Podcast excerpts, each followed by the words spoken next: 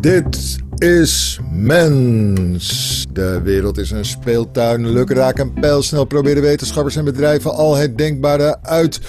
Maar hoe zijn wij eigenlijk aan het veranderen? Wat willen we eigenlijk? Wie willen wij worden? Daarover voer ik, Sander Pleij, gesprekken met schrijvers, kunstenaars, denkers, wetenschappers en de mensen die onze toekomst vormgeven. Vandaag spreken we met designer Marieke van den Heuvel. Marieke, ben je er? Ja, ik ben er. Fijn. Marieke, het is misschien een beetje ongalant, maar zou je jezelf misschien kunnen introduceren? Jazeker. Ik ben ruimtelijk ontwerper. Dat doe ik voor een ontwerpbureau genaamd D. Dat doe ik voor mijn eigen bureau, Bureau Man. En daarnaast geef ik les aan uh, TU Delft aan de faculteit bouwkunde. Ah, oké. Nou, jij bent je heel erg aan het specialiseren in iets waar ik het vandaag met je over wil hebben, namelijk de circulaire economie. En laten we eventjes de dingen eerst helemaal goed op een rijtje hebben. In Nederland moet in 2050 moet de economie helemaal circulair zijn. Wat betekent dat? Um, dat is een uh, grote vraag. In 2050 hebben we ons gecommitteerd aan een klimaatneutrale economie. En circulaire economie is daar eigenlijk een middel toe om dat te bereiken. En in de circulaire economie zorg je dat je alles teruggeeft en opnieuw kan gebruiken. En uh, je gaat dus weg van de lineaire economie waar we op dit moment nog steeds in zitten. En lineair betekent dat je eigenlijk iets neemt, je gebruikt het en je gooit het weg, einde leven. En in de circulaire economie probeer dus alles wat je gebruikt, of probeer niet, dat is het streven, alles wat je gebruikt, breng je weer terug naar de beginstap en gebruik je opnieuw. Oké, circulaire economie. Wat is eigenlijk het verschil tussen duurzaamheid en een circulaire economie? Nou, duurzaamheid is, persoonlijk heb ik het niet zo op dat woord, omdat ik het een heel algemeen woord vind, waar eigenlijk niet een echte commitment in zit. Je kunt stukjes duurzaam doen, je kunt een bedrijf zijn en je kunt een biologisch katoen gebruiken, maar dat maakt jou niet klimaatneutraal. Dat maakt niet dat jij geen schade geeft aan je leefomgeving. Dus waarom ik een voorkeur heb voor circulair boven duurzaam, is dat circulair eigenlijk een diepere commitment, een dieper streven is. Wanneer je werkelijk circulair bent, dan eindig je dus waar je begonnen bent zonder dat je extra schade hebt aangericht. Ja, behalve dat je wel wat aan het uitstoot altijd zult hebben en enige impact op de natuur altijd zult hebben, neem ik aan. Ja, uh, we kunnen inderdaad niet de mensen uitschakelen. Dus of het mogelijk is om een zuivere circulaire economie te maken, dat lijkt me heel optimistisch. Maar als je het goed doet, gebruik je dus geen fossiele brandstof bijvoorbeeld. Dus je gebruikt alleen maar energie die komt uit natuurlijke bronnen. En daarmee leg je dus uh, geen claim. Ja, 2050. Het is nu 2020. We hebben nog 30 jaar. Hoe gaat het met de circulaire economie? Wat vind je ervan? Nou, we zitten in de beginfase. Ja? Het eerste grote streefdatum is 2030, waarin we eigenlijk al op 50% moeten zitten. Dus dat is tien jaar vanaf hier. Maar circulair is eigenlijk nog een heel nieuw begrip. Dus eigenlijk op dit moment ook niet overeenstemming over wat precies de definitie is. Wat het behelst. Dus dat gaf al een beetje aan in ons eerste gesprek van ja, hoe, hoe je het? Dus daar, daar wordt nog over gesteggeld. En waar het over gaat is dat iedereen met iedereen samenwerkt en dat je de maatschappij anders gaat inrichten. Terwijl we zijn eigenlijk nog over het concept aan het nadenken. En de meeste mensen, ook zoals ik begonnen ben als ontwerper, denken vanuit jouw eigen inbreng. Maar je komt niet verder, want je bent maar een klein onderdeel van een groter geheel. Dus je moet meteen naar het grotere geheel gaan kijken. En daar zitten we eigenlijk echt pas in de kinderschoenen. Ja, maar we moeten al over tien jaar moeten al de helft van de economie circulair zijn. Dat lijkt me een behoorlijke opgave. Dat is ook zo. Maar het is in mijn opzichten is circulair ook de enige manier om, om alle andere strevens te bereiken. We kunnen alleen maar klimaatneutraal worden wanneer we circulair worden. Oké. Kun, je wat voorbeelden noemen hoe we doen? Want wat, wat natuurlijk het, domste voorbeeld is om aan te denken, is de elektrische auto. Hup, geen, uh, geen benzine meer nodig. Maar wat zijn nou andere grote stappen die er genomen kunnen worden? Um, nou, ik, ik denk vanuit mijn eigen werk, vanuit productie. Maar als ik zie waar het stagneert, dan heeft het te maken met veel meer economische waarden en met name ook belastingwaarden. Dus we hebben een economisch systeem ingericht, gebaseerd op een lineair systeem. En daarbij werken onze belastingensysteem niet mee aan het circulair maken. En dat heeft te maken met wat we belonen en niet. Het heeft te maken met hoe we over eigenaarschap nadenken. Het heeft te maken met dat we afschrijven en dus niet de waarde van goederen blijven zien en blijven bewaren. Dus daar zit eigenlijk al een, manier van denken in, in dat belastingssysteem. Dat zit ook in eigenlijk alle andere dingen die we doen. Dus we kunnen wel nadenken over dat we meer molens nodig hebben, of dat we uh, windmolens, of dat we inderdaad elektrische auto's nodig hebben. Maar dan ga je voorbij aan dat het een mindset is van samenwerking tussen schakels. En die begint met ook wat ze noemen reduce. Dus ze hebben uh, een aantal R's geformuleerd.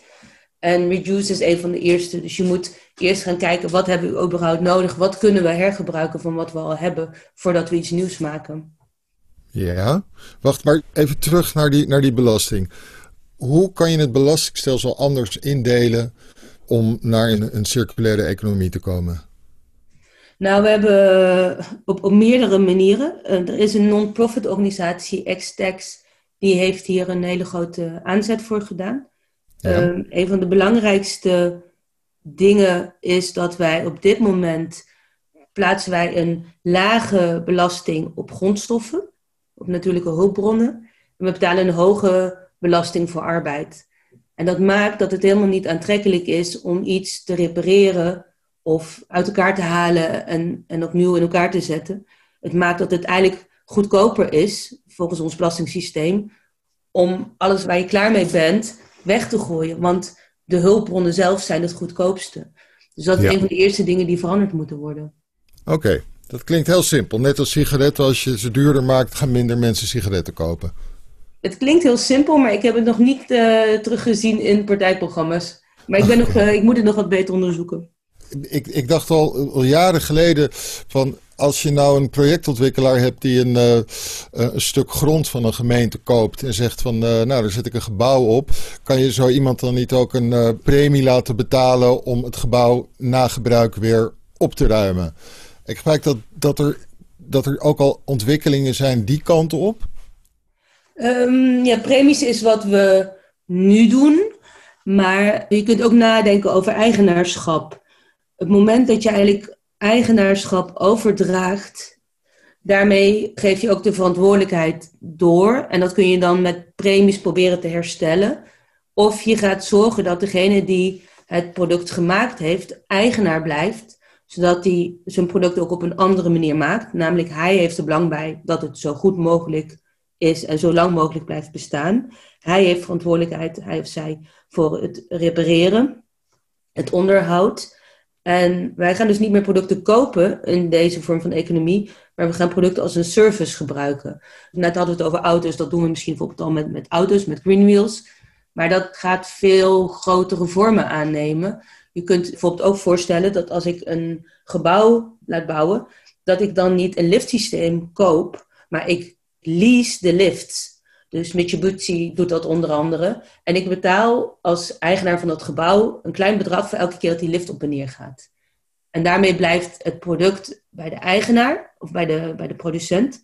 En die kan daarmee ook een model maken van hoe lang het dus blijft bestaan, hoe die het verbetert. Hij kan het weer terugnemen. Hij weet alle informatie over het product wat hij geleverd heeft en wat nog steeds van hem is. Dus dat maakt het eigenlijk eenvoudiger dan wanneer je iets koopt en het afschrijft. Want dan heeft het A geen waarde meer. B, jij bent een gebruiker, maar je hebt er niet echt verstand van het product wat je in handen hebt. En dat contribueert aan de lineaire economie.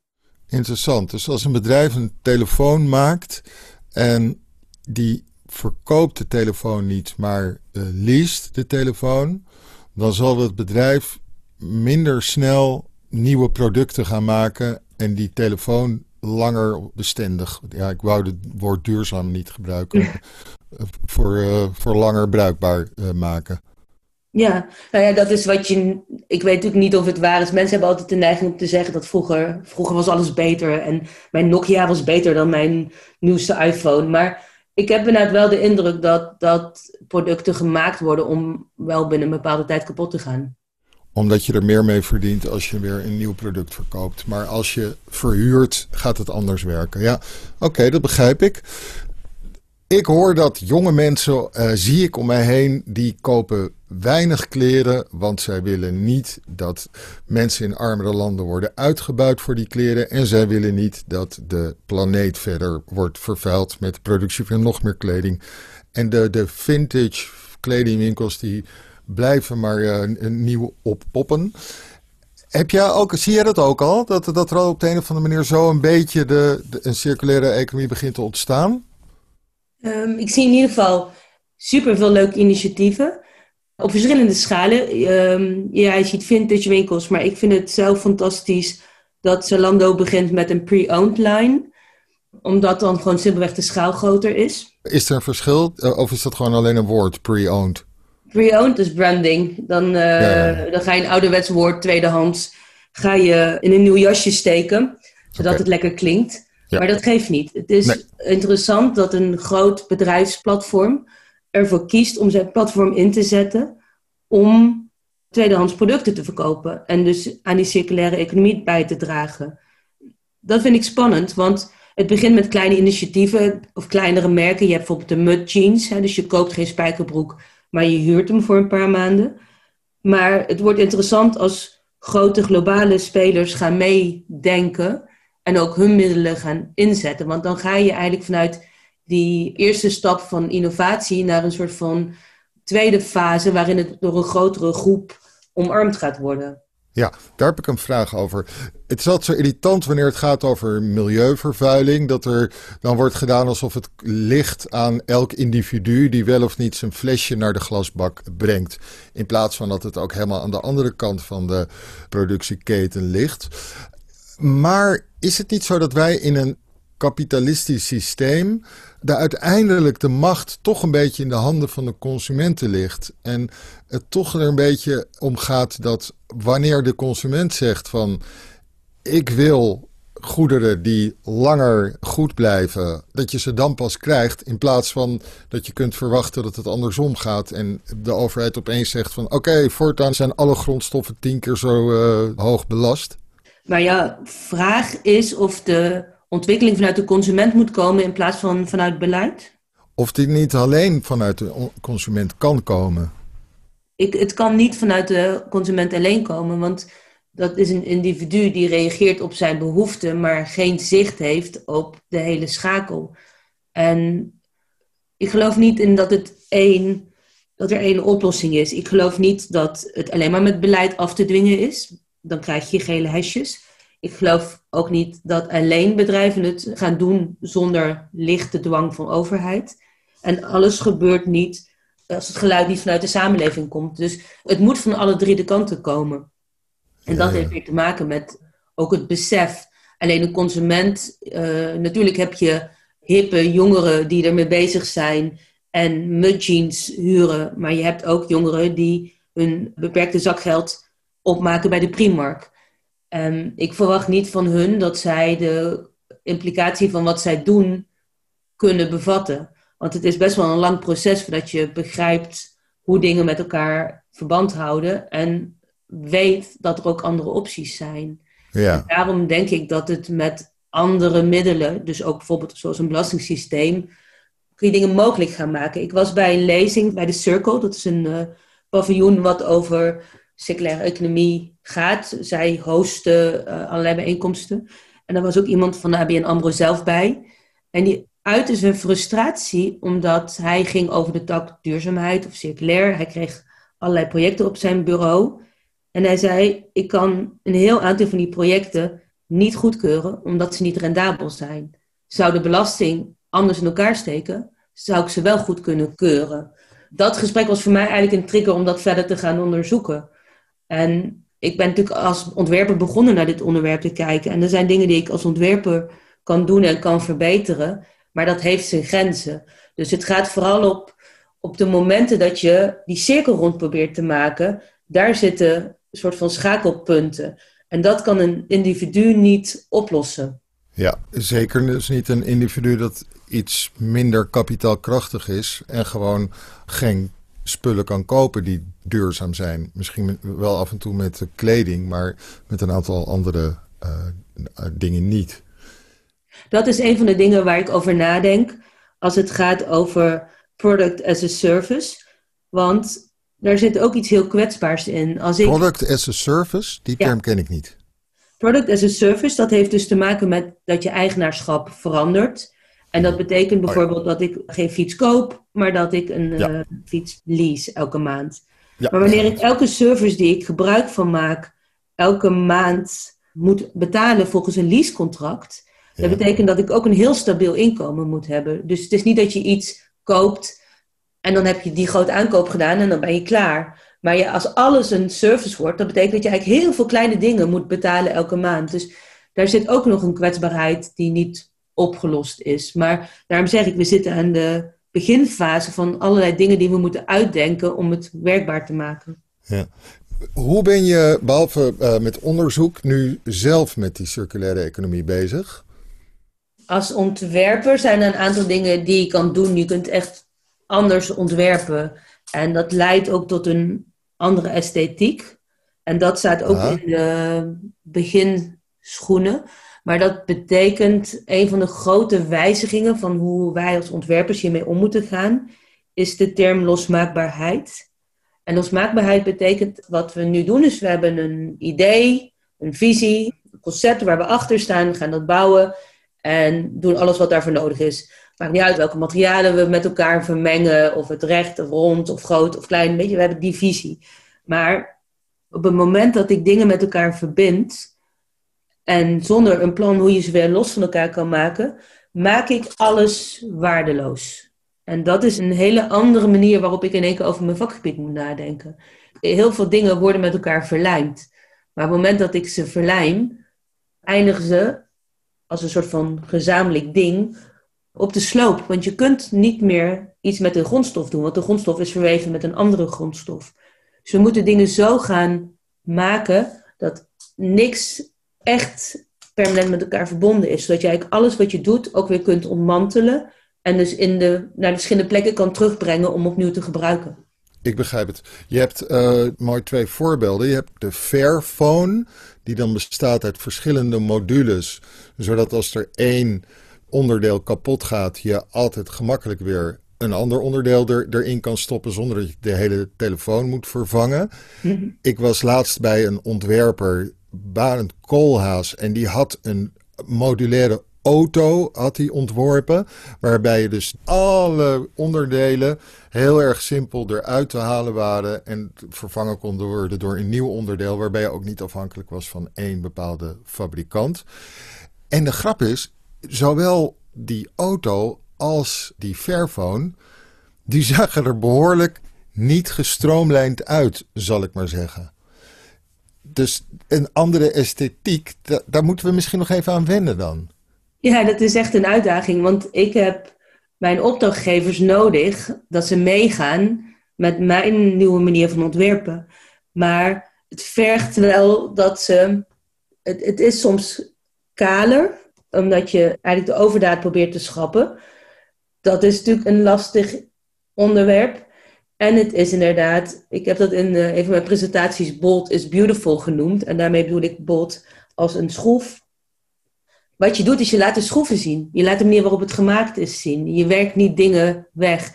En wij leven op dit moment in een soort van Kim Kardashian samenleving waarin we alleen maar steeds meer een, een perfectie nastreven met, met filters en uh, dan wel digitaal, dan wel fillers in ons gezicht en alles. Alles moet een bepaalde perfect plaatje zijn. En we kunnen dit eigenlijk alleen maar bereiken met het omgekeerde. Dat we een beetje ontspannen worden en niet dat perfecte plaatje willen maken. En dat we het dus niet erg vinden dat je schroeven ziet. Dat dat niet het ding moet zijn wat het ontwerp maakt of breekt. Want het namelijk laten zien van de schroeven betekent dat degene die het moet gaan opruimen of moet gaan ontmantelen ook ziet hoe die het uit elkaar kan halen. Wat grappig. Er is namelijk ook een esthetiek die uit de jaren tachtig misschien komt en in de jaren negentig er was en die ik nu nog steeds wel zie.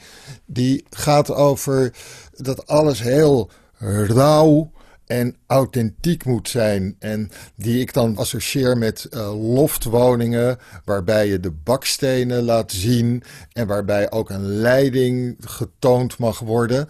Begrijp je wat ik bedoel? Jazeker. Um, het is natuurlijk ook een beetje de hipstercultuur. Maar ik had een uh, grappige discussie met collega's ook over. Op dit moment laat je heel vaak het systeemplafond weg. Want dat is nog steeds ja. eigenlijk hip om geen systeemplafond te hebben. En gewoon de leidingen te laten zien. En dat spuit je dan in één kleur. En dan ziet het er ook leuk uit. En we hadden het erover van, ja, maar is dit nou inderdaad een trend? En, en verdwijnt dat ook weer? En gaan we dan weer het systeemplafond herwaarderen? Of komt dat nooit meer terug, omdat het eigenlijk een laag is die je niet nodig hebt? Maar dan blijf je dus in een bepaalde esthetiek hangen. Al denk ik dat ook daar heel veel ontwikkeling in zit. En dat is het leuke met werken met studenten. Met hen ben ik ook hiermee bezig. En dan probeer ik vooral in de detaillering met hun te werken. Want een schroef is ook maar een schroef. Maar misschien kun je op hele andere manieren dingen verbinden met elkaar. Door magneten, door elastieken, door touwen. Of wel verlijmen, maar met biologische uh, lijmen.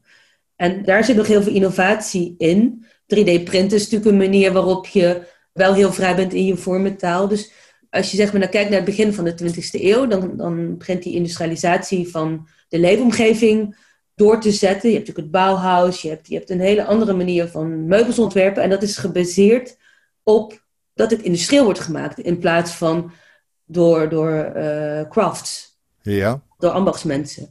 En ik denk, we zitten nu eigenlijk in zo'nzelfde uh, heel interessant moment ook. Dus wat dat betreft hoop ik dat vooral veel creatieve mensen hier ook mee aan de slag gaan. Want we kunnen natuurlijk dingen ook echt anders gaan ontwerpen met deze kennis die we nu hebben over wat we willen bereiken. Dus we kunnen losmaakbaarheid zien als een handicap, of we kunnen het zien als een uitdaging en daarin juist hele mooie nieuwe uh, ideeën verzinnen. Ja. Dat zeg maar dat onze meubels echt anders eruit gingen zien, zo zal dat misschien nog een keer gebeuren. Dat onze ja. leefomgeving anders wordt. Ja. Een architect wees mij een keertje op dat je in uh, tegenwoordig mensen in hun huis dan vinden dat het niet grootschalig verbouwd moet worden, maar dat er dan een kleine oplossing gevonden moet worden waarbij ze niet meer een tussenwandje doen, maar waarbij ze uh, glas tussen zwart ijzer ergens in het huis zetten. En toen ging ik voor de grap inderdaad eens verder kijken. En toen zag ik dat als je op, bijvoorbeeld op Funda kijkt, dat echt Elk huis heeft het. Iedereen die gebruikt van die zwarte ijzer of lood, wat is het, met glas ertussen. En je kan het ook al helemaal prefab in de bouwmarkt kopen. Maar dat is dus iets wat kaler lijkt, maar uiteindelijk toch een industrieel product is geworden. Namelijk hele makkelijke wandjes die iedereen overal uh, neer kan pleuren.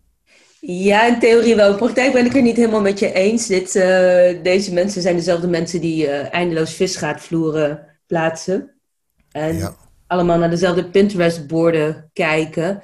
En wat er lastig aan is, is dat het mode is. Dit is gewoon het beeld wat je nu ziet in alle tijdschriften.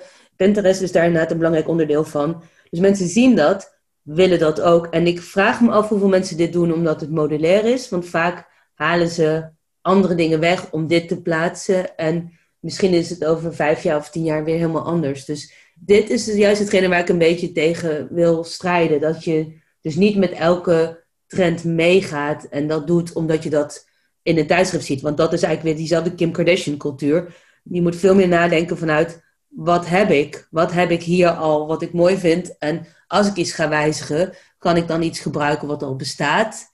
En als dat niet kan, dan ga je eigenlijk pas iets opnieuw ontwikkelen. En ja, ja. ik weet ook niet of het modulair is, want het is toch vaak op maat gemaakt. Ja, en, en over 15 jaar liggen dus overal de afvalhopen, uh, vuil storten vol met van die ijzeren dingen met glas er, kapot glas ertussen. Ja, ik lig wel eens ruim zo, maar het is wel waar ik bang voor ben. Woon je zelf ook in een huis met, met allemaal opgeknapte meubels van, de, van het grof vuil en zo? Um, nou, ik heb wel heel veel dingen in huis die wij uh, inderdaad van Marktplaats hebben gehaald of vintage producten. Ja, het is niet alles. Ik ben daar niet uh, uh, 100% clean in, maar ik doe wel mijn best inderdaad om dingen die ik uitkies te kijken of ik inderdaad bestaande dingen kan vinden. En dat hoeft niet altijd een vintage look te hebben, want we, hadden, we hebben een hele mooie designkast en die hebben we gewoon op Marktplaats gevonden. En hij is dan niet helemaal perfect meer, er zit een kleine beschadiging in, maar ja, ik ben op dat punt dat ik dat ook niet meer erg vind, omdat ik de consequenties zie. Ik kreeg met Sinterklaas een cadeautje en daar zat een deukje in, in, uh, in dit boek. En uh, de, mijn schoonzusje die dat aan mij gaf, die zei meteen... Je moet het niet het plastic eraf halen, want ik moet het nog terugsturen. Want er zit een deukje in. Misschien dat ik dat zeg maar een tijd geleden had gezegd... Ja, nee, natuurlijk hier, stuur maar terug. En nu denk ik, ja, maar dat is onzin. Want ik ga het gebruiken, dan komt er ook een deukje in. En er is niks mis mee. Dus ik pleit voor een cultuur waarin we niet alles eindeloos perfect willen. Want daardoor moet je zoveel weggooien. En, en waarom? Wat, wat is het, zeg maar, wat je probeert? Welk perfect plaatje probeer je in stand te houden? Het woord dat in mij nu opkomt is een beetje ontspullen. Dat is toch ook een nieuw woord? Ja, en dan kom je naar het hele stroming van minimalistische mensen. Maar dat is op zich niet eens wat ik bedoel. Ik, ik, ik bedoel wel dat je nou niet alles moet kopen, maar als jij het lekker vindt om, om lekker veel spullen in je huis te hebben, dan zeg ik niet dat je dat niet moet doen. Maar ik zou het wel fijn vinden als je die spullen kunt vinden ergens en niet allemaal nieuw gemaakt moeten worden voor jou. Ja, en je studenten, hoe uh, gaan die hiermee om? Is dat iets wat, wat een passie voor hun ook is? Ja, ik ben er dus, eh, vorig jaar ben ik begonnen met lezingen te geven. Dit jaar hebben we ook echt een workshop gedaan. En ik vind het super leuk, want je merkt dat ze heel erg op zoek zijn naar de middelen. Dus ze volgen ook het nieuws en ze horen de staat van de wereld. En ze horen op hun opleiding dat ze daar iets mee moeten, want iedereen roept het. Maar vervolgens krijgen ze heel vaak niet de middelen om het te doen of de uitleg hoe je het moet doen. Dus zeg maar door met hun te gaan werken over hoe je detailleert in losmaakbaarheid. Hoe je nadenkt over waar je je spullen vandaan haalt. Of je het tijdelijk kunt gebruiken, kunt lenen. Maar ook hoe je een soort van document maakt waarin je opslaat wat je allemaal hebt, waar je het vandaan hebt. Zeg maar voor degene die naar jou komt. Uh, dat is een materiaalpaspoort, even kort door de bocht gezegd. Dat, dat vinden ze superleuk, ja. Een materiaalpaspoort? Een materialenpaspoort, dat is één dat is een wat langer verhaal, als je dat oké vindt. Ja? De overheid heeft gezegd, we willen een circulaire economie. We willen ook vooral een circulaire bouweconomie. Daarin moet dus alles wat we bouwen, moet weer teruggebracht worden naar grondstoffenniveau of hergebruikt in een ander gebouw. En daar zit heel ongelooflijk veel informatie in zo'n gebouw. Dus wie onthoudt dat nou? De architect is al lang iets anders aan het doen. En, en de bouwer ook. Dus het is belangrijk dat we informatie vastleggen. Een van de architecten die hier echt in gepioneerd heeft, die daar een heel belangrijke persoon in is, is Thomas Rauw. Die is daarmee begonnen. En dit is nu iets wat eigenlijk vanuit de overheid wordt onderzocht of we dat kunnen doorpakken, of dat beleid kan worden. Maar waar ik ook naar heb gekeken, wederom vanuit mijn vakgebied. Want wat ik wel merk is, het is heel, heel intensief. En het kost heel veel tijd en het kost geld om echt alles heel specifiek vast te leggen. En je kunt er aannemers en bouwers helemaal gek mee maken. Ja, dus we moeten hier ook hier moeten we methodes in vinden die, die handzaam zijn. Dus dat we niet zeg maar in één keer 15% van onze tijd bezig zijn met een soort van administratie. Maar je hebt het wel nodig. Ik weet dat er jongetjes zijn geweest die riepen blockchain. Ja, dat, dat, dat is iets wat meer, denk ik, uh, relevant is in productie, die ook in meerdere landen plaatsvindt. Hè. Dus dat is bijvoorbeeld voor de kledingindustrie of dingen die echt producten zijn. En wat je wel merkt is wanneer je dus met architectuur werkt en ook interieurarchitectuur, dat is een beetje een andere tak van sport. Ook als die, je had het net bijvoorbeeld ook over die Fairphone, maar een object is makkelijk te verzamelen, ergens naartoe te brengen, uit elkaar te halen. En een van de uitdagingen die je hebt in een gebouw is dat het niet, je kunt een gebouw niet inzamelen. Dus je moet het echt ontmantelen. Daarom is die informatieoverdracht zo belangrijk. Ja, begrijp ik. Ik eh, moet af en toe denken aan de foto die ik vandaag in de krant zag van Amerikanen die een Louis Vuitton winkel aan huis kregen, omdat ze nu in de pandemie niet goed konden winkelen. En daarbij dacht ik aan, mijn god, we zijn allemaal totaal verslaafd aan winkelen en spulletjes kopen. Maar soms denk ik zelfs dat het bezig zijn met spulletjes kopen die gebruikt zijn en die weer oplappen en naar speciale vintage dingetjes zoeken, dat dat eigenlijk eh, bijna een soort variant kan zijn van onze spullenverslaving. Ja, ja dat denk ik ook. Want ik denk niet dat je. Consumeren is inderdaad een hele belangrijke vrije tijdsbesteding. Maar je hebt ook een economie die, die moet draaien. Je merkt dat mensen heel zenuwachtig worden van duurzaamheid en circulariteit, omdat ze bang zijn dat dan de economie niet meer draait. Dus door, door juist door dingen te repareren, her te bestemmen, opnieuw, zeg maar, in, in meubeltaal refurbishing. Dus, dus je geeft misschien een andere bekleding. Je zorgt dat de poten weer goed zijn. Daar zit eigenlijk heel veel werk in. En, en kan juist de economie laten draaien. Daar ben ik ook heel positief over circulariteit. Als we dat serieus gaan implementeren, dan kunnen we wel degelijk ook een economie draaiende houden. Ja, er is evenveel economische activiteit in zo'n economie als in een economie waar continu plastic troep uh, overal vandaan wordt aangesleept en verkocht voor uh, een euro. Ja, ik, uh, ik kan er nu even niet bewijzen met een hele calculatie, maar dat is wel wat ik denk, ja. Oké. Kun je ook voorbeelden noemen van ontwerpen waar je zelf mee bezig bent geweest of met je studenten waarvan je dacht van hé, hey, dit is, nu hebben we te pakken, dit is een beetje waar we naartoe moeten gaan? Um, nou, dan kom ik gelijk bij een pijnpunt uit. Uh, je bent afhankelijk van je opdrachtgever. En ik, ken, ik kan wel een aantal mooie projecten noemen.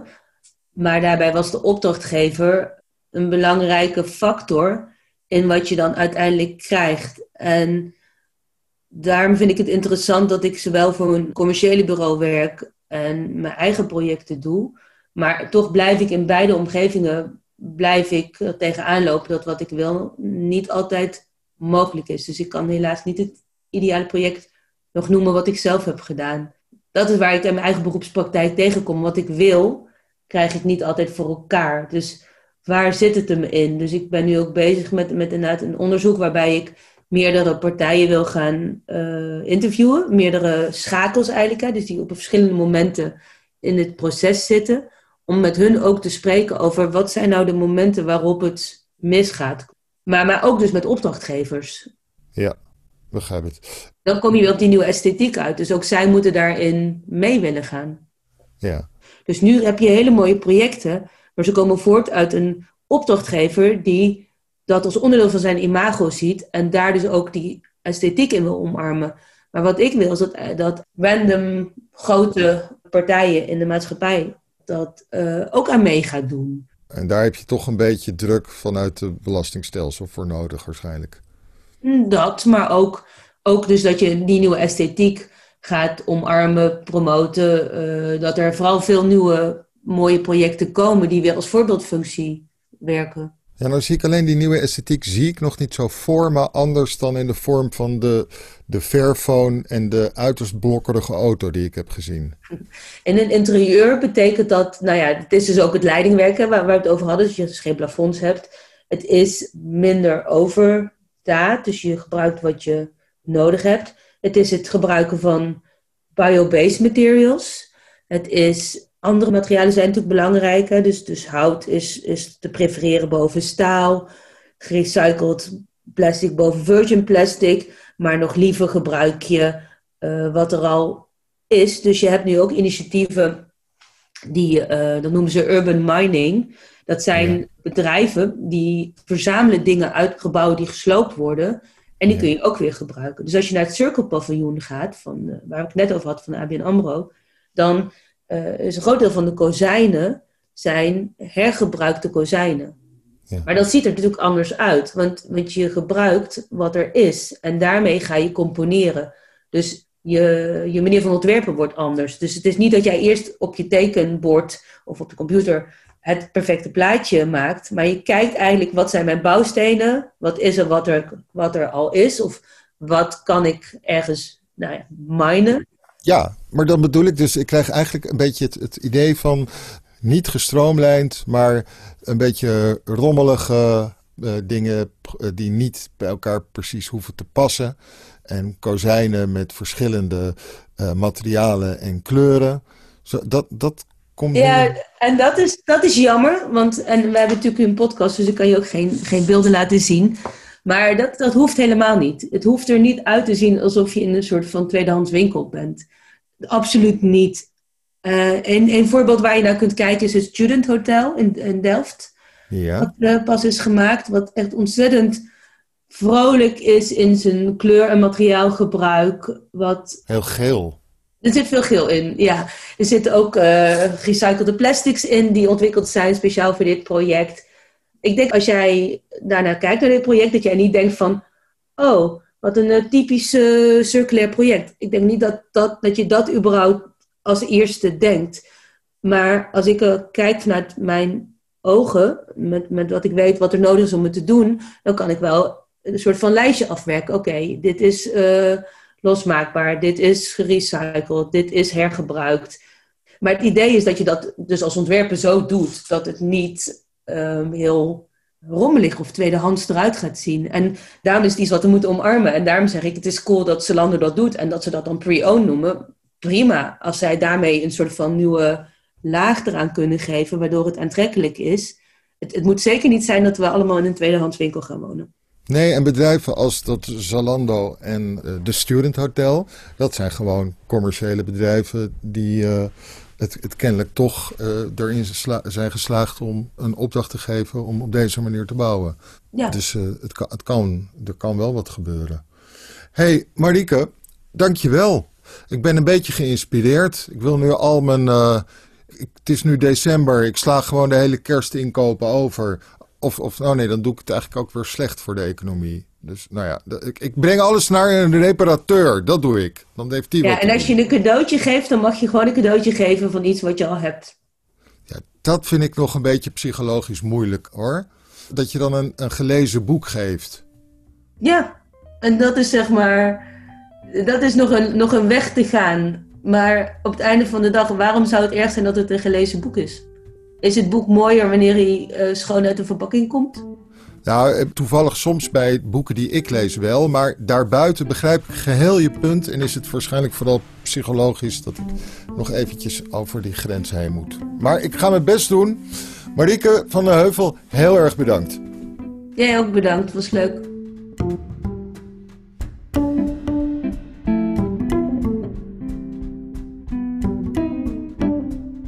Dit was Mens, met in deze aflevering Marieke van den Heuvel.